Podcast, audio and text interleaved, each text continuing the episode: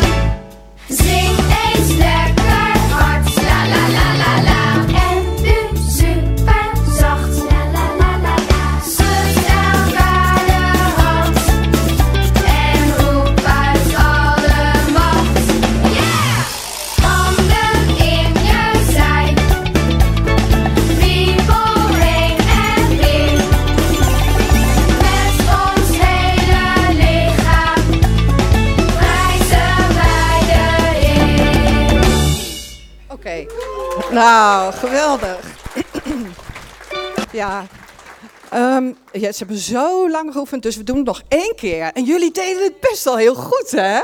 Maar nog ietsje meer. Oké, nog één keertje.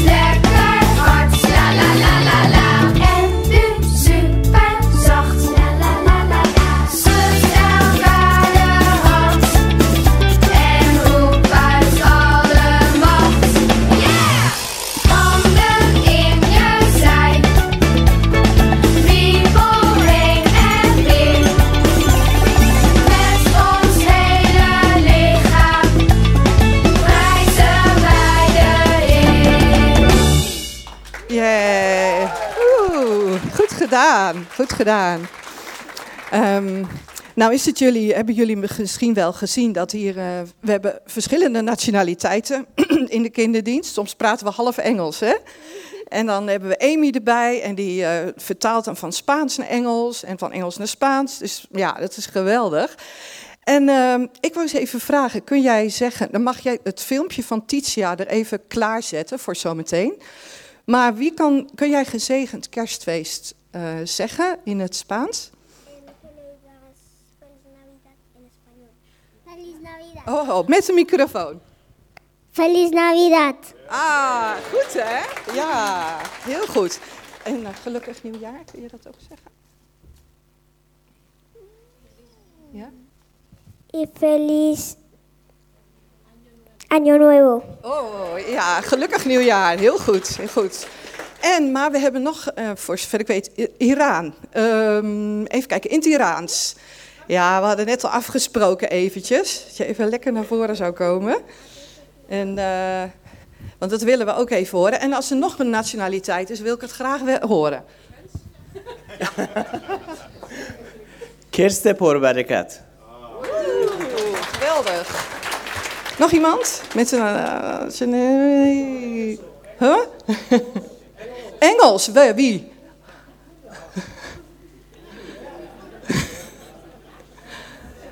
Oh, geweldig. Nou willen we echt...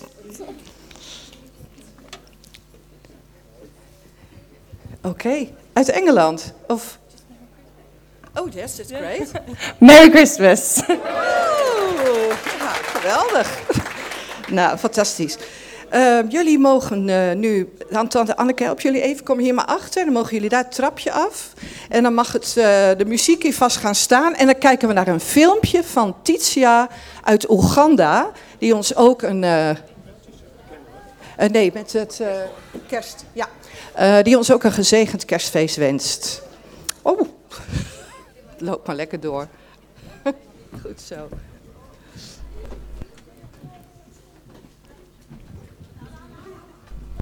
Hallo allemaal, vanuit een heel zonnig Afrika en we zijn nu in de plaats, dit heet Mbarara. Goed, dat is een Afrikaans woord. Uh, misschien horen jullie op de achtergrond kerstmuziek. Het is heel raar, want het is hier gewoon warm. En ik sta hier ook voor een kerstboom, zoals je ziet. Maar ik wil jullie allemaal vanaf deze plaats een heel goed kerstfeest wensen. Fijn dat er zoveel meegeleefd wordt, ook met onze missie in Oeganda. En ik wil in het Oegandees nog zeggen, Kwa Kwaliza, Christmas, Enonji. Doei!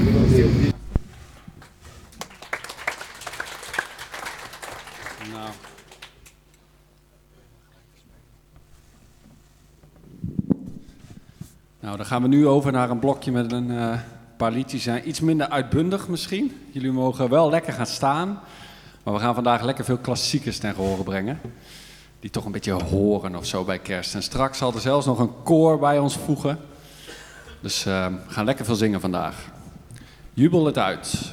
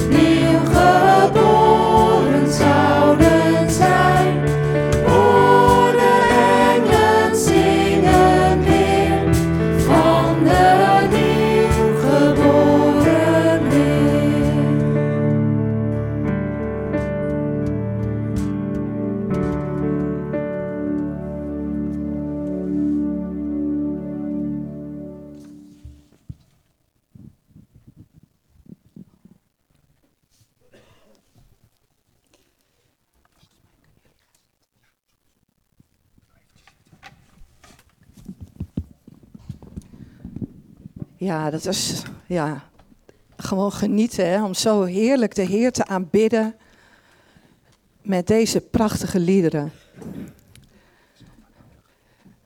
Ja, dat lukt wel zo. Ja.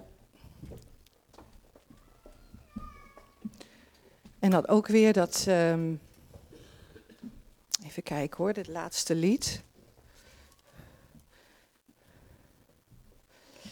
Dat gaat dan ook, dan heb je dat, dat zinnetje van. eh, ehm, wordt geboren uit een maagd op de tijd die God behaagt. Ja, ik denk, ah ja, dan hebben we ons thema weer. Op de tijd die God heeft bepaald. Hè?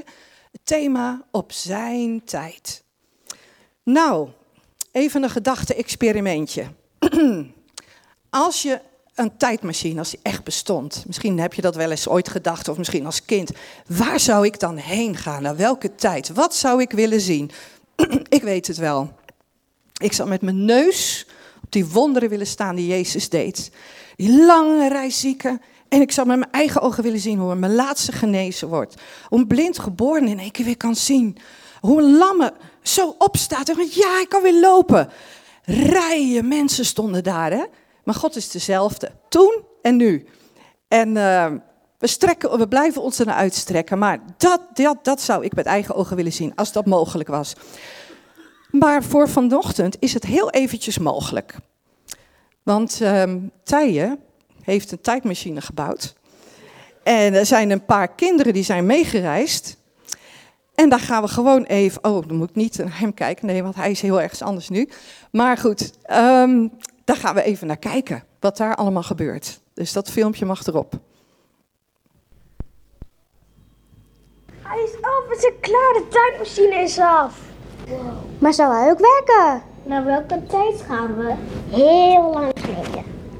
Oké, ik typ gewoon wat in.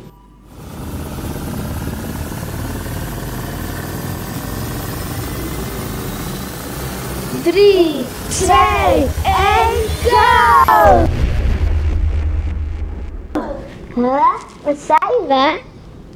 In Bethlehem, ruim 2000 jaar geleden. Oh, wat zijn we nou ver in de tijd? Waar ligt Bethlehem? In Israël, in de provincie Judea. Wat zijn die velden?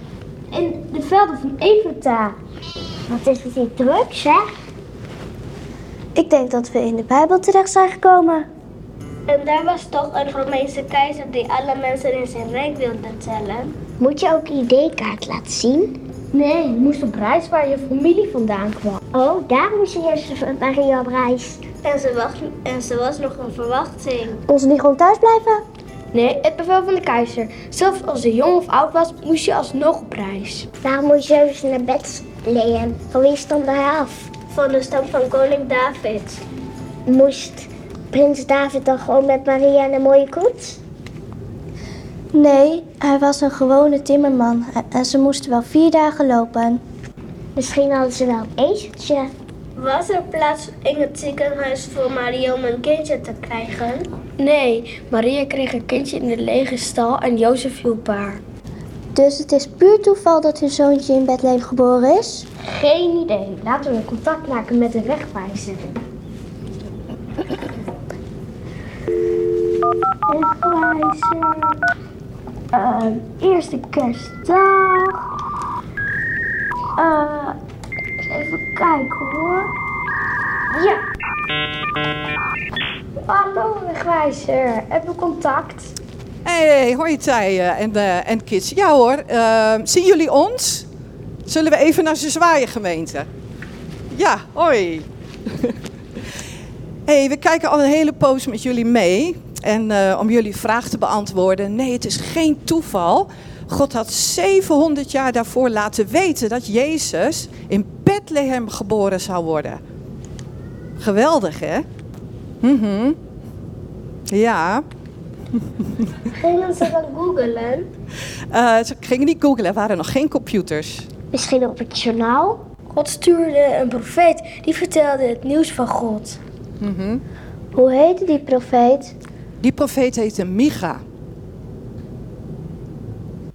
Kon je de woorden van de profeet op je tablet nalezen? Of op een YouTube filmpje? Nee, dat kon toen nog niet. Ze schreven alles op een boekrol en die bewaarden ze in de synagoge. En zou nu gaat over Jezus in Bethlehem. Jazeker. Hé, hey, anders komen jullie even hier naartoe, want we hebben een hele mooie Bijbel waar het in staat. Oké, daar komen we dan. Oké. MC. Um, eerste kerstdag. Hardenberg. Oké jongens, 3, 2, 1, go!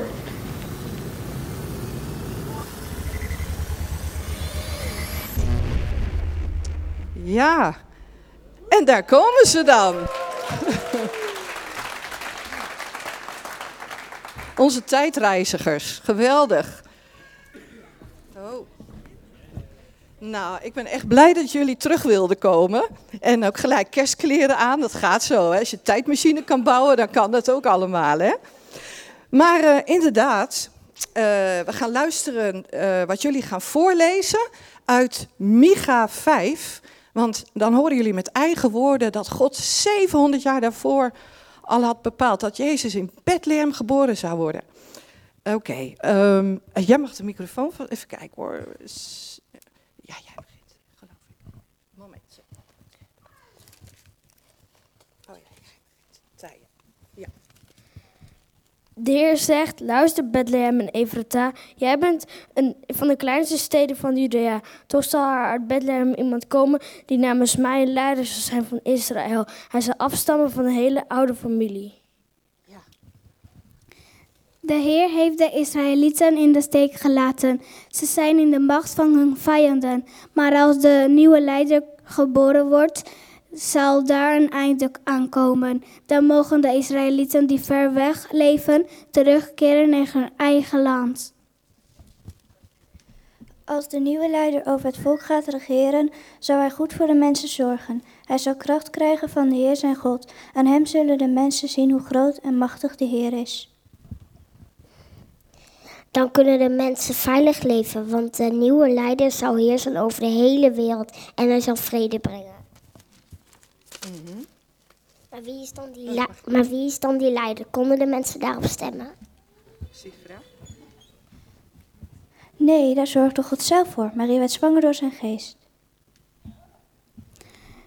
Wa daar snap ik niks van. Was Jozef daar niet de vader? Nee, Jozef was een soort adoptievader. De baby moesten ze Jezus noemen en hij was de zoon van God. Ja, mogen jullie nog even blijven staan. En weet je waarom ze hem Jezus noemden? Weten jullie wat dat betekent? dat betekent redder, verlosser. Want een deel van de profetie is natuurlijk uitgekomen van Micha. Maar uh, een, een, een ander deel, dat Jezus de leider zal zijn, die echte wereldvrede zal brengen, die is nog niet uitgekomen. Dat gaat nog gebeuren. Maar je kunt al wel de vrede in je hart voelen als je van Jezus houdt hè, en als je bij hem hoort. Ervaren jullie die vrede ook in je hart? Ja, geweldig. Dank jullie wel. Jullie mogen weer gaan zitten.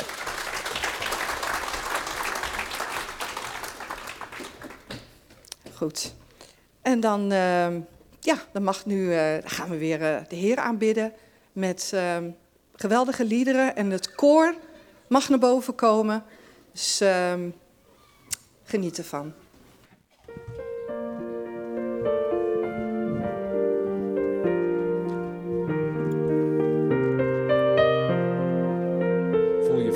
Luisteren, voel ik vrij om te gaan staan en mee te zingen.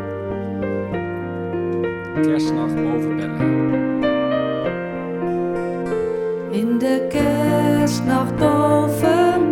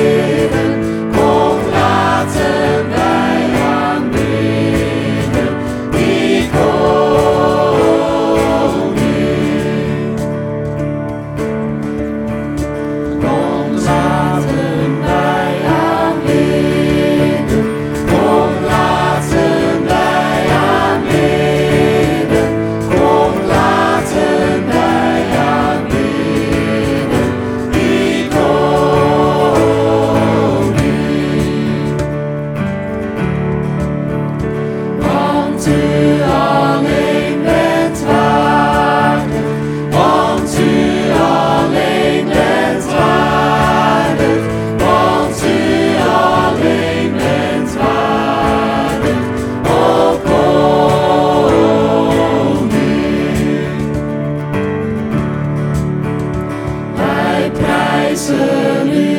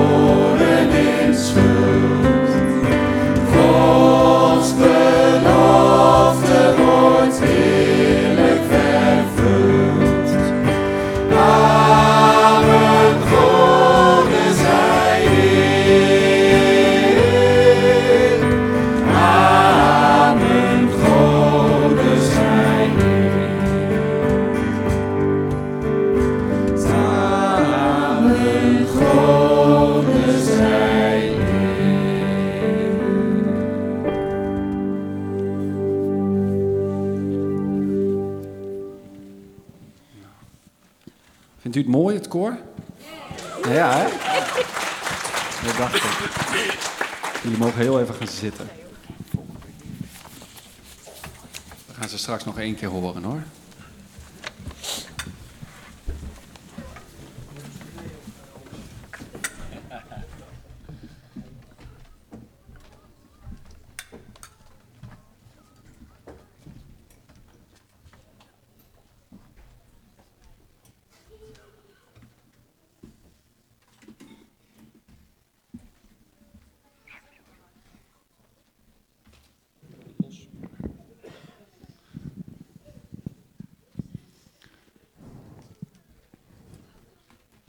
Ja. Het hebben wel mooie dingen gezien, hè? Ik vind het nu al zo'n speciale dienst. Ehm, en Lisette zei het al, we hebben als tekst voor deze dienst ook gelaten 4, vers 4, die jullie op de kaart hebben staan. Maar toen de volheid van de tijd gekomen was, toen zond God zijn zoon. Dus God die schrijft geschiedenis. En wie van jullie voelt zich wel eens bezorgd?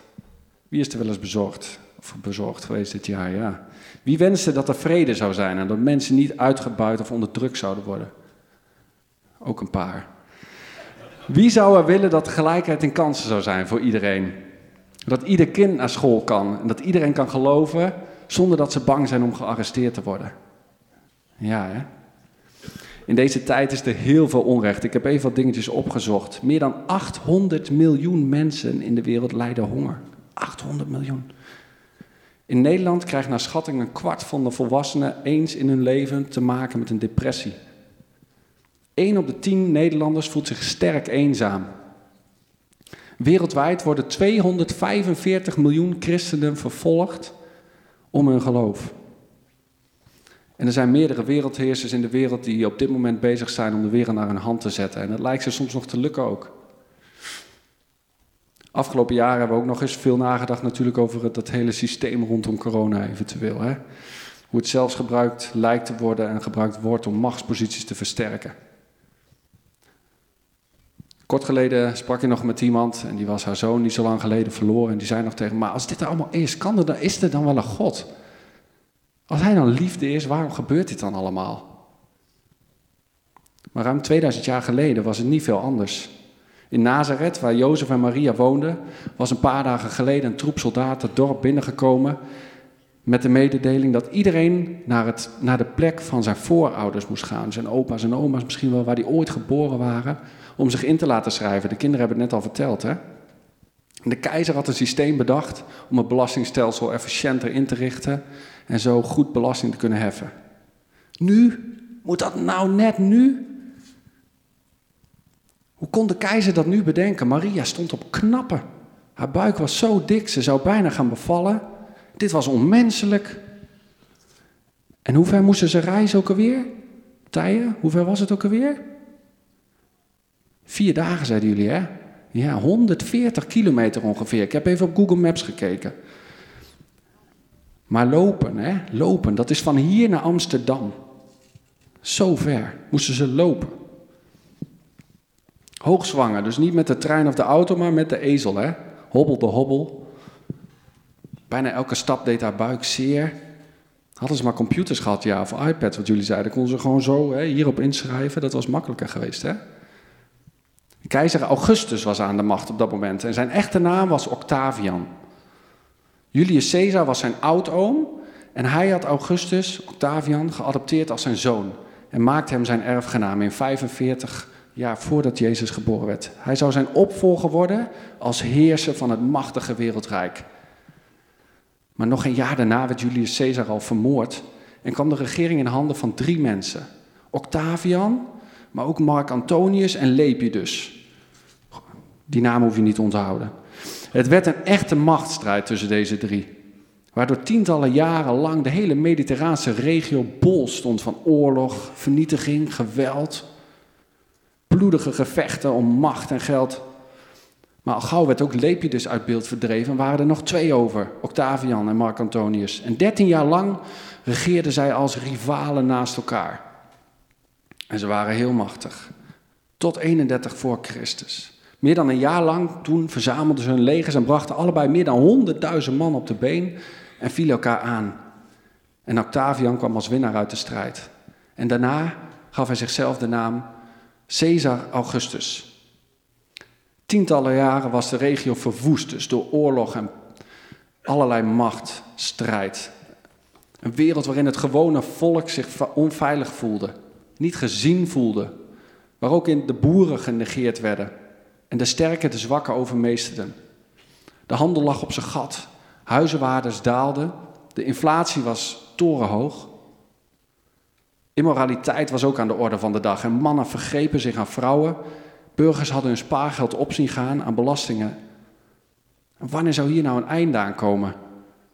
De machtigen werden steeds machtiger en de gewone burgers voelden het land alleen maar verder afdwalen.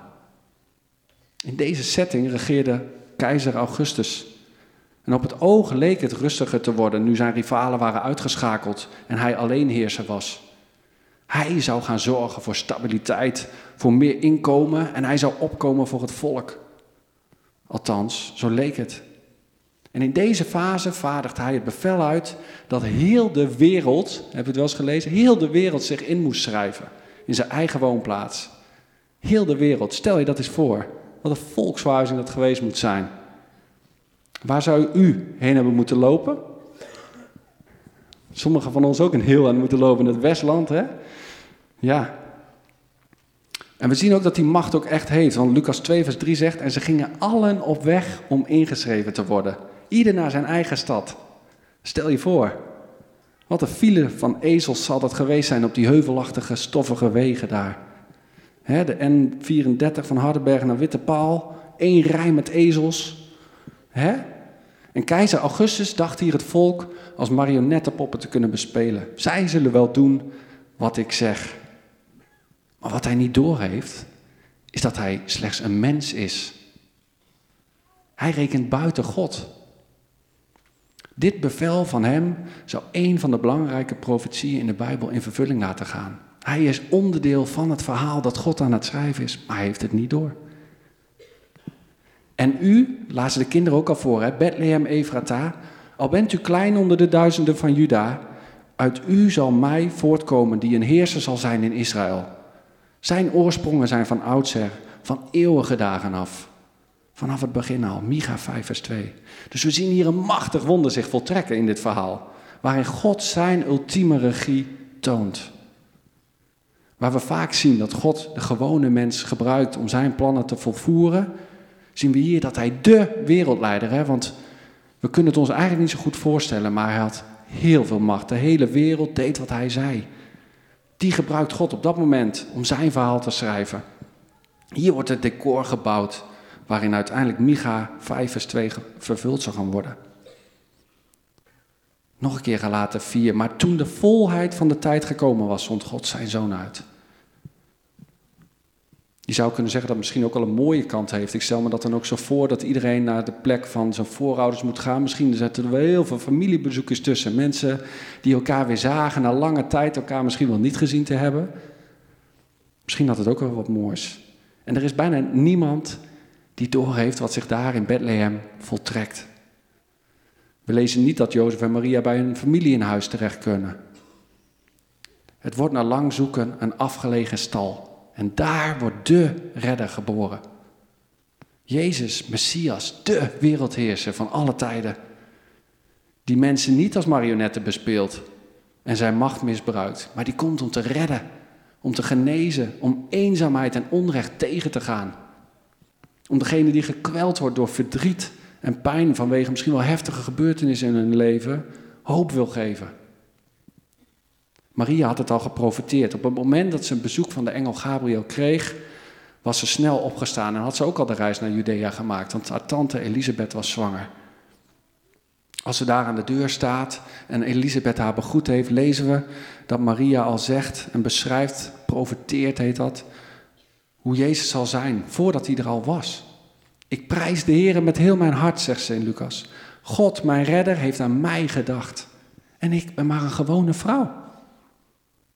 Nu zullen de mensen altijd en overal zeggen dat ik bevoorrecht ben, want de machtige, heilige God heeft grote dingen voor mij gedaan. Hij is altijd goed voor mensen die ontzag voor hem hebben. Hij heeft laten zien hoe groot en machtig hij is. Hen die hoogmoedig zijn in hun gedachten, heeft hij uiteengedreven, vorsten van de troon gestoten. Maar gewone mensen, nederigen, heeft hij verhoogd. Hongerige mensen heeft hij met goede gaven verzadigd en rijken met lege handen weggestuurd. Hij heeft zijn knecht Israël geholpen. Hij is zijn belofte niet vergeten. Want hij had Abraham en zijn kinderen beloofd altijd goed voor hen te zijn. Dat zegt Maria al voordat hij er überhaupt is. Dus in een wereld waar zo'n gebrokenheid is, wat ik net aan het begin zei, daar waar soms helemaal geen uitweg meer lijkt überhaupt en het alleen maar verder kan afdwalen, in een wereld waar zo'n crisis is, daar wordt juist Jezus geboren, want daar is redding nodig. Wereldheersers die kunnen denken de wereld te besturen, maar ze zijn slechts een schakel in het plan dat God met deze wereld heeft. Je kunt je onderdrukt voelen door de bestuurders van je land. Op het oog lijkt het misschien wel alsof er geen licht aan het eind van de tunnel is, alsof het alleen maar fout kan gaan. Hè, wie weet behoor jij wel tot die 25% van de volwassenen die eens in hun leven met depressie te maken krijgt. Wie weet ben jij wel aan het vechten om je gezin op het moment bij elkaar te houden, om je huwelijk te redden, harmonie te hebben. Het kan zijn dat je onder de armoedegrens leeft. Jezus wordt geboren in de volheid van de tijd. Dat betekent op precies de juiste tijd. Zelfs op zo'n wereldtoneel van keizer Augustus, in zo'n grote scène, glipt er geen één seconde door Gods hand. Hij schrijft de geschiedenis. Hij heeft de tijden exact in zijn hand. Wat betekent dat dan voor jou? Vandaag is opnieuw de volheid van de tijd daar. En wil Jezus opnieuw of nog steeds in jouw leven ingrijpen? Jouw leven is geen leven waarin je als marionettepop heen en weer geslingerd hoeft te worden. Door het leven, door omstandigheden. Wellicht heerst de wereld op het moment voor je gevoel wel meer in jou dan God. Wie weet heb jij wel het idee, net als keizer Augustus, dat je met jouw kunde en wijsheid het leven wel aan kan. Maar vandaag wil Jezus in jouw leven opnieuw geboren worden en laten zien dat er nog veel meer is te bieden. Dat Hij nog veel meer heeft te bieden. Dat het leven nog zoveel mooier en groter is. En je in rust kunt leven. Wie weet voel jij wel een stal onder de mensen op dit moment. Dat kan. Een afdankertje, misschien buiten de beschaving of aan de rand van de samenleving. Het gevoel dat je misschien helemaal niet toe doet. In de schaduw van de grote huizen, niet goed genoeg of misschien wel eenzaam. Dat mensen om je heen zo'n fijn leven lijken te hebben en jij maar vecht en mensen het niet lijken te zien. Dan is dat precies de plek waar God wil zijn. Als jij redding nodig hebt. Als het 2000, geleden, uh, 2000 jaar geleden op aarde precies zo ging zoals God het wilde en God verandert niet, dan is dat vandaag nog steeds zo. Ook in jouw leven, in ons leven, ook in ons als gemeente. God heeft alles in zijn hand en er glipt hem niks door de vingers. Laat dat je bemoedigen. Laat dat je rust geven. Hoop. En hij vraagt jou op dit moment of hij de plek mag zijn waar hij geboren mag worden. Ook al ziet je hart er misschien uit als een, nou ja, niet zo opgeruimde stal. Zodat hij door jou heen nog steeds op deze aarde kan zijn. Jezus vraagt jou en mij om zijn fysieke kopie te worden. Wie ken jij die eenzaam is? Wie ken jij die met verdriet of pijn rondloopt, van verlies misschien wel afgelopen jaar? Die ziek is, of die Jezus nog niet kent. Wat zou jij daar dan in kunnen betekenen de komende dagen? Want dat is ook kerst, dat we omzien naar elkaar. We mogen eerst ontvangen voor onszelf wie Jezus is voor jou, maar daar blijft het niet bij. Deze dagen mogen we ook naar de ander extra omzien. Dat mogen we altijd doen, is een opdracht zelfs. Maar dat is iets wat je zelf mee kan nemen deze dagen. Voor wie kan jij misschien wel een lichtpuntje zijn? Soms zit er maar een heel klein iets, een berichtje of even iets aan de deur, even die arm. uitnodigen voor kerst als ze alleen thuis zijn. Wat kun jij daarin doen? Mag Jezus vandaag opnieuw in jouw hart geboren worden? Dat is de vraag.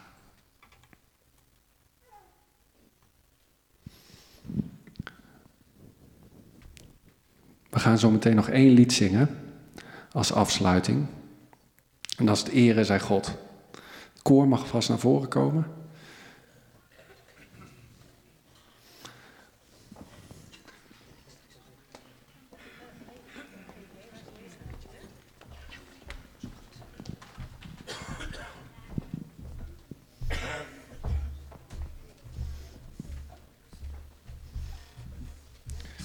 Mogen hier wel. Ja. We hebben gisteren, ehm, was hartstikke gaaf trouwens, bij de Baptistengemeente eh, mogen dienen als band. We hebben ook, eh, nou dit lied was voor ons een mooie generale repetitie. Hebben we kunnen zingen, een aantal van jullie was er ook bij, ook hartstikke fijn trouwens. En ehm, ja, het was gewoon heel goed om daar ook te zien hoe we ook samen als kerk in Hardenberg daarin eh, kunnen optrekken. En daar was nog een slogan van heel Hardenberg hoort Jezus, wat Ruben Peters zo op zijn hart heeft. En ehm, is zo mooi als we hier ook met z'n allen kunnen staan en beginnen gewoon met eerst zelf God te ontvangen. En vandaar dat ook door mogen geven in Hardenberg. is ook ons gebed, onze wens voor komend jaar, dat nog meer mensen van Jezus mogen horen. En laat het dan zo zijn dat wij in ons leven altijd een houding van dankbaarheid mogen hebben. En dit is natuurlijk het ultieme kerstlied misschien wel. Um, ere zij God. Er zal ook nog een collecte rondgaan zo ondertussen. En eigenlijk, ik zit even een beetje te kijken, zo heel creatief. We wilden hier eigenlijk in een soort kring gaan staan. Gisteren hebben we zelfs in een kring buiten a cappella gezongen. Maar is het misschien mogelijk dat jullie een beetje naar voren komen, dat we hier met z'n allen een beetje gaan staan? Is dat een idee? Dus gewoon een beetje door elkaar, maar wel gewoon iets dichter bij elkaar. Dan zal Lisette zo meteen nog een paar mededelingen doen en dan ronden we ook af.